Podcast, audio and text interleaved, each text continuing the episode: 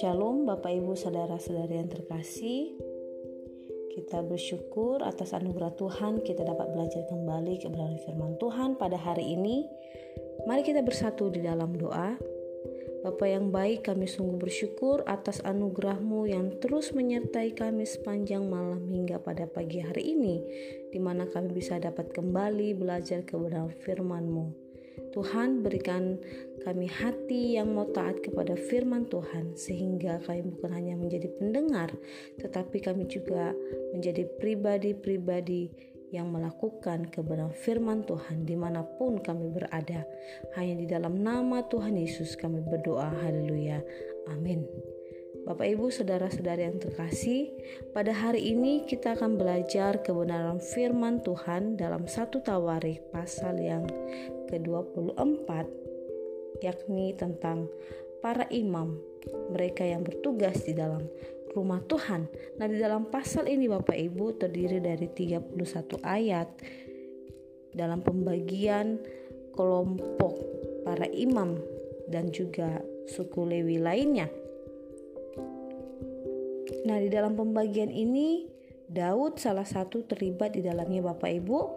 Daud yang sedang mengatur keefektifan atas pelayanan di rumah Tuhan yang di mana di dalam perjanjian lama Allah telah menetapkannya sebagai tugas mereka yang merupakan keturunan suku Lewi.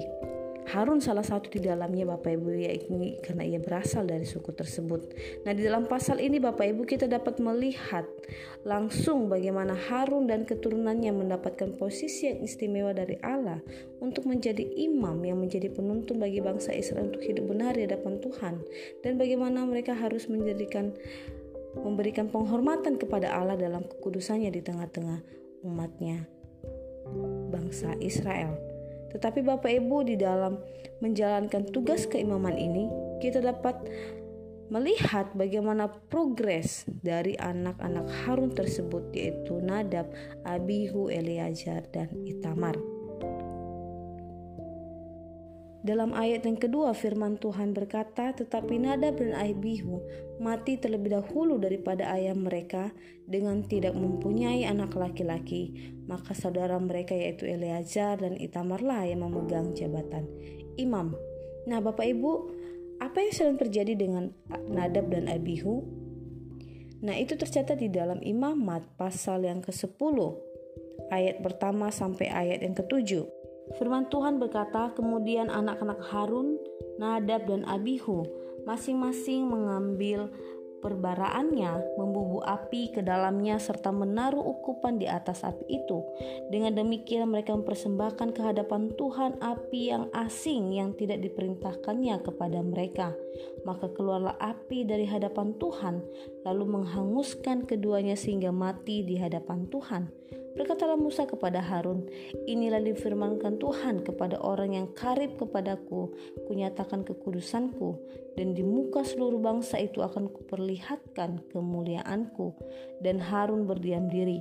Kemudian Musa memanggil Misael dan Elisafan, anak-anak Yuziel, paman Harun, lalu berkatalah ia kepada mereka, Datang kemari, angkatlah saudara-saudaramu ini dari depan tempat kudus keluar perkemahan. Mereka datang dan mengangkat mayat keduanya masih berpakaian kemeja keluar perkemahan seperti yang dikatakan Musa. Kemudian berkatalah Musa kepada Harun dan kepada Eleazar dan Itamar, anak-anak Harun, janganlah kamu berkabung dan janganlah kamu berduka cita supaya jangan kau mati dan jangan Tuhan memurkai segenap umat ini, tetapi saudara-saudaramu yaitu seluruh bangsa Israel. Mereka lah yang harus menang, menangis karena api yang dinyalakan Tuhan itu Janganlah kamu pergi dari depan pintu kemah pertemuan supaya jangan kamu mati karena minyak urapan Tuhan ada di atasmu. Mereka melakukan sesuai dengan perkataan Musa. Nah, di sini Bapak Ibu kita bisa melihat apa yang sedang terjadi dengan Nadab dan Abihu di mana dikatakan mereka mempersembahkan di hadapan Tuhan api yang asing, api yang tidak Allah perintahkan kepada mereka. Sehingga Allah menghukum keduanya, menghukum anak-anak Harun tersebut, Nadab dan Abihu, sampai mereka menjadi mati sehingga Allah menghukum keduanya sebagai pernyataan di tengah-tengah bangsa Israel mengenai kekudusan dan kemuliaan Tuhan, sehingga bangsa ini harus hidup benar di hadapan Tuhan.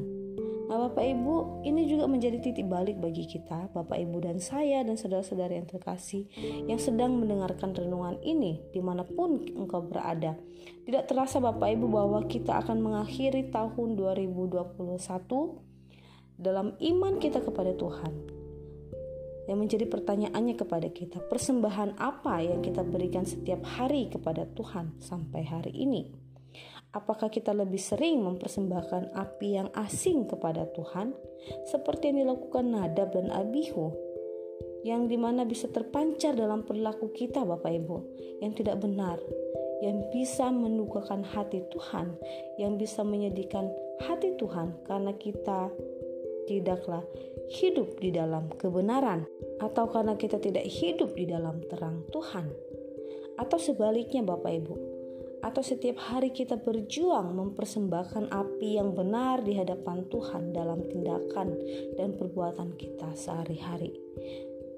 Marilah kiranya Bapak Ibu kita terus meminta Allah untuk menuntun dan memampukan kita untuk mempersembahkan hidup yang terus benar di hadapan Tuhan, di mana kita tidak terbuai di dalam kenikmatan dunia, di dalam kesibukan kita, sehingga kita menjauh dari Tuhan. Amin. Nah, Bapak Ibu, selanjutnya kita juga dapat melihat kecakapan Daud dalam membagi kelompok para imam dari Eleazar dan Itamar. Daud melaksanakannya dengan adil di dalam ayat yang kelima pasal yang ke-24 Firman Tuhan berkata, "Dan orang membagi-bagi mereka dengan membuang undi tanpa mengadakan perbedaan, sebab ada pemimpin-pemimpin kudus dan pemimpin-pemimpin Allah, baik di antara keturunan Eleazar maupun di antara keturunan Itamar." Di mana Bapak Ibu Daud melaksanakan pemilihan tersebut dengan adil tanpa melakukan perbedaan. Daud menghindari terjadinya kecemburuan sosial dan rohani di antara para imam Tuhan tersebut. Nah, Bapak Ibu, sikap yang perlu kita pelajari dari sini adalah kita perlu bersikap adil dalam hubungan kita dengan sesama. Amin. Kita tidak boleh berlaku curang. Salah jika salah, benar jika benar. Kita tidak kompromi dengan kesalahan orang lain. Atau juga Bapak Ibu, dalam sikap adil itu Bapak Ibu, kita memperlakukan orang di mana kita tidak memperlakukan orang berdasarkan status sosial,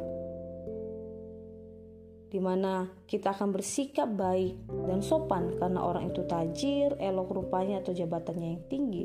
Tetapi jikalau sebaliknya, jikalau kita melihat saudara-saudara kita yang semuanya pas-pasan keadaannya, maka kita bersikap semena-mena. Nah, tentu sikap itu tidaklah benar di hadapan Tuhan Bapak Ibu, tetapi mari kita bersikap adil kepada sesama kita di dalam hubungan kita satu sama lain. Nah, Bapak Ibu Daud begitu memperhatikan proses ibadah dalam rumah Tuhan dan sehingga mengatur fungsi-fungsi masing-masing dari para imam dalam penyelenggaraan ibadah.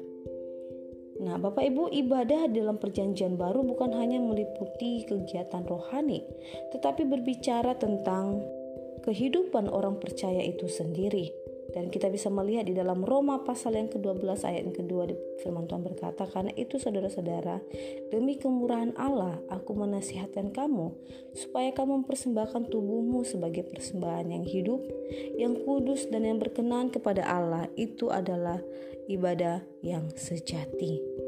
Bapak ibu saudara-saudari yang terkasih, ibadah kita kepada Tuhan, yaitu bagaimana kita menjalani hidup kita sebagai orang percaya, yang telah diselamatkan oleh Yesus Kristus di dalam anugerahnya sehingga kita memperoleh keselamatan.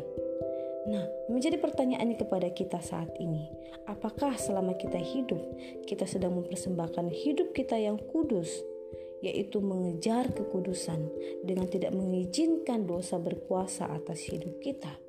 Dan dalam kita mempersembahkan hidup kita kepada Tuhan, hasrat kita selama kita hidup, yaitu kita sedang mempertanyakan bagaimana memiliki hidup yang berkenan kepada Allah, sehingga hidup yang Allah berikan kepada kita saat ini hanyalah milik Tuhan, atau Bapak Ibu, sebaliknya kita mempersembahkan hidup yang tidak sesuai dengan apa yang Tuhan harapkan dalam kehidupan kita sebagai orang percaya.